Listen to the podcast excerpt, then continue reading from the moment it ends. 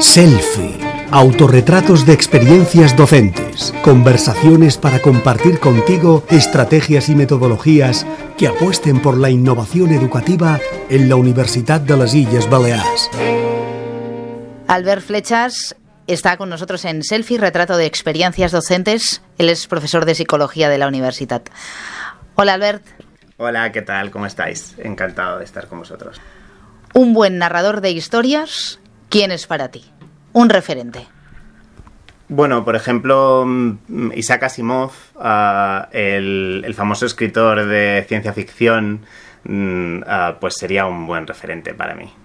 Bueno, precisamente por su, su, uso de los diferentes elementos narrativos, tanto del arco narrativo en sí, el, el jugar por empezar a veces quizá en media res. De hecho, uh, una de sus sagas más famosas, Fundación, es una trilogía de libros que después expandió con preludio a la Fundación, hacia la Fundación, con continuaciones de, esa saga y del elemento sorpresa, sobre todo. Uh, que es algo que, que, a lo mejor será difícil conseguir en, en pantalla, que está, precisamente Fundación se, se, está haciendo una adaptación a una serie, ahora que están de moda las series, pero que en libro uh, es, la verdad es que estaban muy logrados lo, los giros inesperados, ¿verdad? Uh, es, para mí es, es, por eso que es un, un gran narrador, porque te conecta con, con lo que te está contando. ¿Cuándo entraste en el mundo del storytelling? Bueno, yo siempre cuento que, que desde que era muy pequeñín. Uh, desde que era muy pequeñín me encantaban los cuentos. Uh, y, y, de hecho era tal mi obsesión que, que le pedía a, mi madre que me, que me leyera cuentos por la noche y muchas veces le pedía el mismo cuento una y otra vez.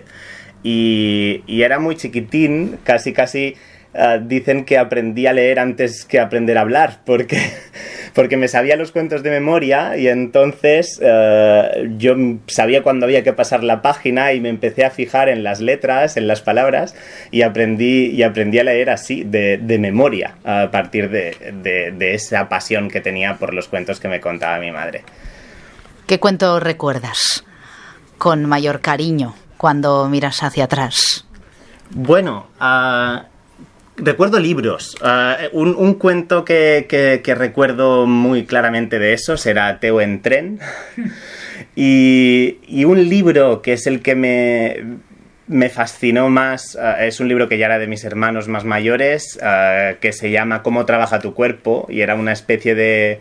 Érase una vez aquella serie de dibujos que, que te enseñaba cómo, cómo, trabajaba el cuerpo humano y, y tenía una doble página que, era una especie de cúpula muy grande con que estaba cortada en sección para ver gente dentro que trabajaba, que conectaba una, una especie de centralita conectando cables y eh, gente que corría de una oficina para otra uh, manejando información. Era, era una forma, una metáfora del cerebro Uh, aquello me fascinó y, por eso es, siempre digo que por eso estudié psicología al final, ¿no? Uh, estudié psicología y me interesé pues precisamente por el funcionamiento del cerebro, por nuestra pasión por los libros uh, en general y por los cuentos y las historias en particular. ¿Todos los profesionales pueden aprender, deben aprender a contar historias? Bueno, yo creo que deben aprender a comunicar y, y las historias um, nos dan muchas herramientas para, para, comunicar. Uno las conoce intuitivamente o, menos intuitivamente por aquello que siempre nos cuentan en el cole, ¿no? El, planteamiento nudo de desenlace. Pero quizá otras cosas como dar sorpresas, generar preguntas, curiosidad, ¿no? En tu audiencia o, en, o, en tus lectores o en, en general en tu interlocutor, creo que es clave, ¿no? Eh, eh, tener este tipo de herramientas, uh, no solo del arco narrativo, o, sino el siempre intentar buscar un protagonista, unos objetivos. Um, para captar el interés o para conectar con la persona que tienes delante o con las personas que tienes delante ah, son claves para muchísimas profesiones. Mm. Quizá no diría todos, todos los profesionales, supongo que habrá más profesionales que tengan menos interacción con, las personas, pero sobre todo de cara a, esos, a esas profesiones que sí que necesitan una relación social, es imprescindible saber comunicar y hacerlo bien. Quien nos esté escuchando y quiera experimentar, quiera comenzar a aprender a contar historias, ¿por dónde empieza? Uf, muy interesante. Yo creo que la respuesta más clara o más rápida y, breve es por, por lo que le guste. por lo que le guste. Eh, estamos rodeados de historias. Eh, nosotros, los seres humanos, somos. hay hay incluso gente que dice que somos animales literarios, porque nos encanta, ¿no? Ah, nos encanta reunirnos en torno a un café para contarnos cosas de nuestra vida, para contarnos historietas de nuestra vida, nos encanta leer las noticias o verlas en televisión, oírlas en la radio o en un podcast, nos gusta el cine, nos gusta la literatura, los cómics pues seguro que hay algo ah, que, que, le gusta y por lo que, por lo que puede comenzar. Hoy en día se hace muy buena tele, ¿no?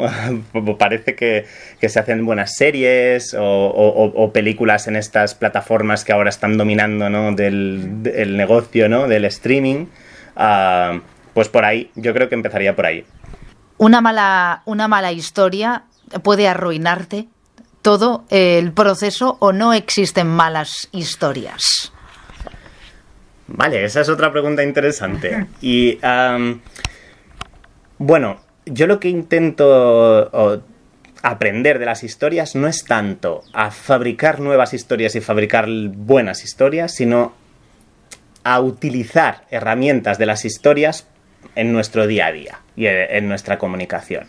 Te diría que sí, que una mala historia puede arruinar ah, a lo mejor pues un mensaje si si depende, si ese mensaje depende de la historia enteramente. Mm. Un ejemplo que, pongo a veces ah, es el de, el de aquellos quizá ah, panfletos o mini cómics que se hacen para explicar algo y en el que el protagonista, ah, yo qué sé, por ejemplo, mm, supongamos que quieren vender un seguro, una, empresa aseguradora, ¿no? Y quiere vender un seguro y te coloca a un protagonista que eh, está preocupado por los seguros. O sea, su objetivo es conseguir un seguro. Eso no nos interesa. Nos interesa a lo mejor si este protagonista ha perdido a su pareja y por eso se plantea qué, hacer con su vida. Y entonces nos sale la aseguradora y le resuelve el problema diciendo, pues mira, si uh, vende, si contratas este seguro, proteges a tu familia uh, si te sucede alguna cosa, ¿no? Mm. Entonces, claro, sí que estaría mal planteado contar una historia con un objetivo que sea el propio mensaje. O sea, el, el mensaje tiene que, tiene que entrar, claro, de forma colateral. ¿No? Porque lo que nos interesan son las historias, no la propaganda. Estás escuchando Selfie, el espacio para que descubras las experiencias docentes más innovadoras de la Universidad de las Islas Baleares. Un truco para comenzar a utilizar bien las historias. ¿Cómo comienzo bien una historia? Dando una sorpresa, o haciendo una, buena pregunta, o provocando curiosidad provocando curiosidad, generando una imagen mental en el caso de que lo la, estemos contando oralmente o, proponiendo una imagen si, si es algo más visual. Todo esto lo aplicas en tus clases imagino, ¿eh? a la hora de comenzar para ser capaz de captar la atención de los alumnos. Es decir, tú también eres alumno de tus propias enseñanzas. Sí, claro, lo intento, al menos. Lo que sucede en la, eh, en la clase es que es, que es, una, eh, es una situación social muy concreta y, por eso sí que yo, en este sentido, y, lo que te decía hace un momento, huyo de convertir una clase en una historia. No es mi objetivo. Si acaso, luego podríamos convertir en historia lo que ha sucedido en clase, pero no intento emular ah, no intento hacer una película en clase o, una pequeña serie. No, tanto... Ah, no tanto generar una historia, sí que es verdad que mm, paralelamente me gusta escribir guiones, eh, eh, hemos rodado algunos cortometrajes y em, incluso con, con, algunos premios, no sé si también has investigado por ahí, pero pero no eh, en clase. Yo creo que en clase eh, venimos a aprender, a co-construir conocimiento, busco ese protagonismo compartido con, los y las estudiantes y, y a vivir la historia y no tanto a contarla. Los temas universales son muy buenas herramientas para incluir dentro de las historias. ¿Qué otros temas universales nunca fallan? Bueno, ah, para mí el cambio es la clave. Cambiar, porque realmente una narrativa es cambio eh, del inicio al final. Las grandes historias clásicas ah, empiezan con un héroe que está vivo y terminan con ese héroe que ha muerto, ¿no? Ah, por, casi casi por el propio transcurso de la historia temas universales, como eh, lo que comentábamos hace un momento de, la libertad, los objetivos de, las personas, cuanto más primarios mejor, solemos conectar eh, con, lo romántico, con, la necesidad, la necesidad de sobrevivir, ¿no? La necesidad de alimentarnos, incluso, o la necesidad, o necesidades un poquito más abstractas como el poder, el estatus. Eso suele funcionar muy bien como narrativa, es decir, si, de verdad construimos una historia, suele funcionar muy bien que, el, protagonista o la, persona, la protagonista en general, tenga este tipo de, objetivos o necesidades, mm. motivaciones que nos ayudan en definitiva a, conectar mm. con él. Y por eso lo que te decía antes también, ¿no? Demostrarme lo más auténtico posible en clase, por ejemplo, volviendo al tema docente, de, forma que se ve que yo pues, soy una persona que no hace tanto estaba sentado en el otro lado del, de, la clase y con, también tengo mis gustos, mis inquietudes, mis preocupaciones. Y entonces creo que es clave para conectar con las personas que tenemos delante. ¿De qué manera se ha adaptado esa metodología a los tiempos de las clases online? Bueno, esto es verdad que es una de las cosas más difíciles.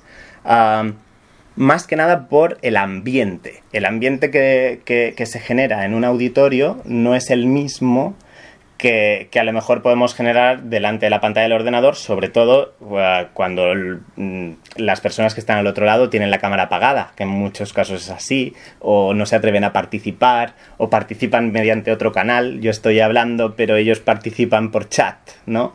Y entonces ese ambiente de, que, también es parte de, a veces las mejores historias, es difícil conseguirlo.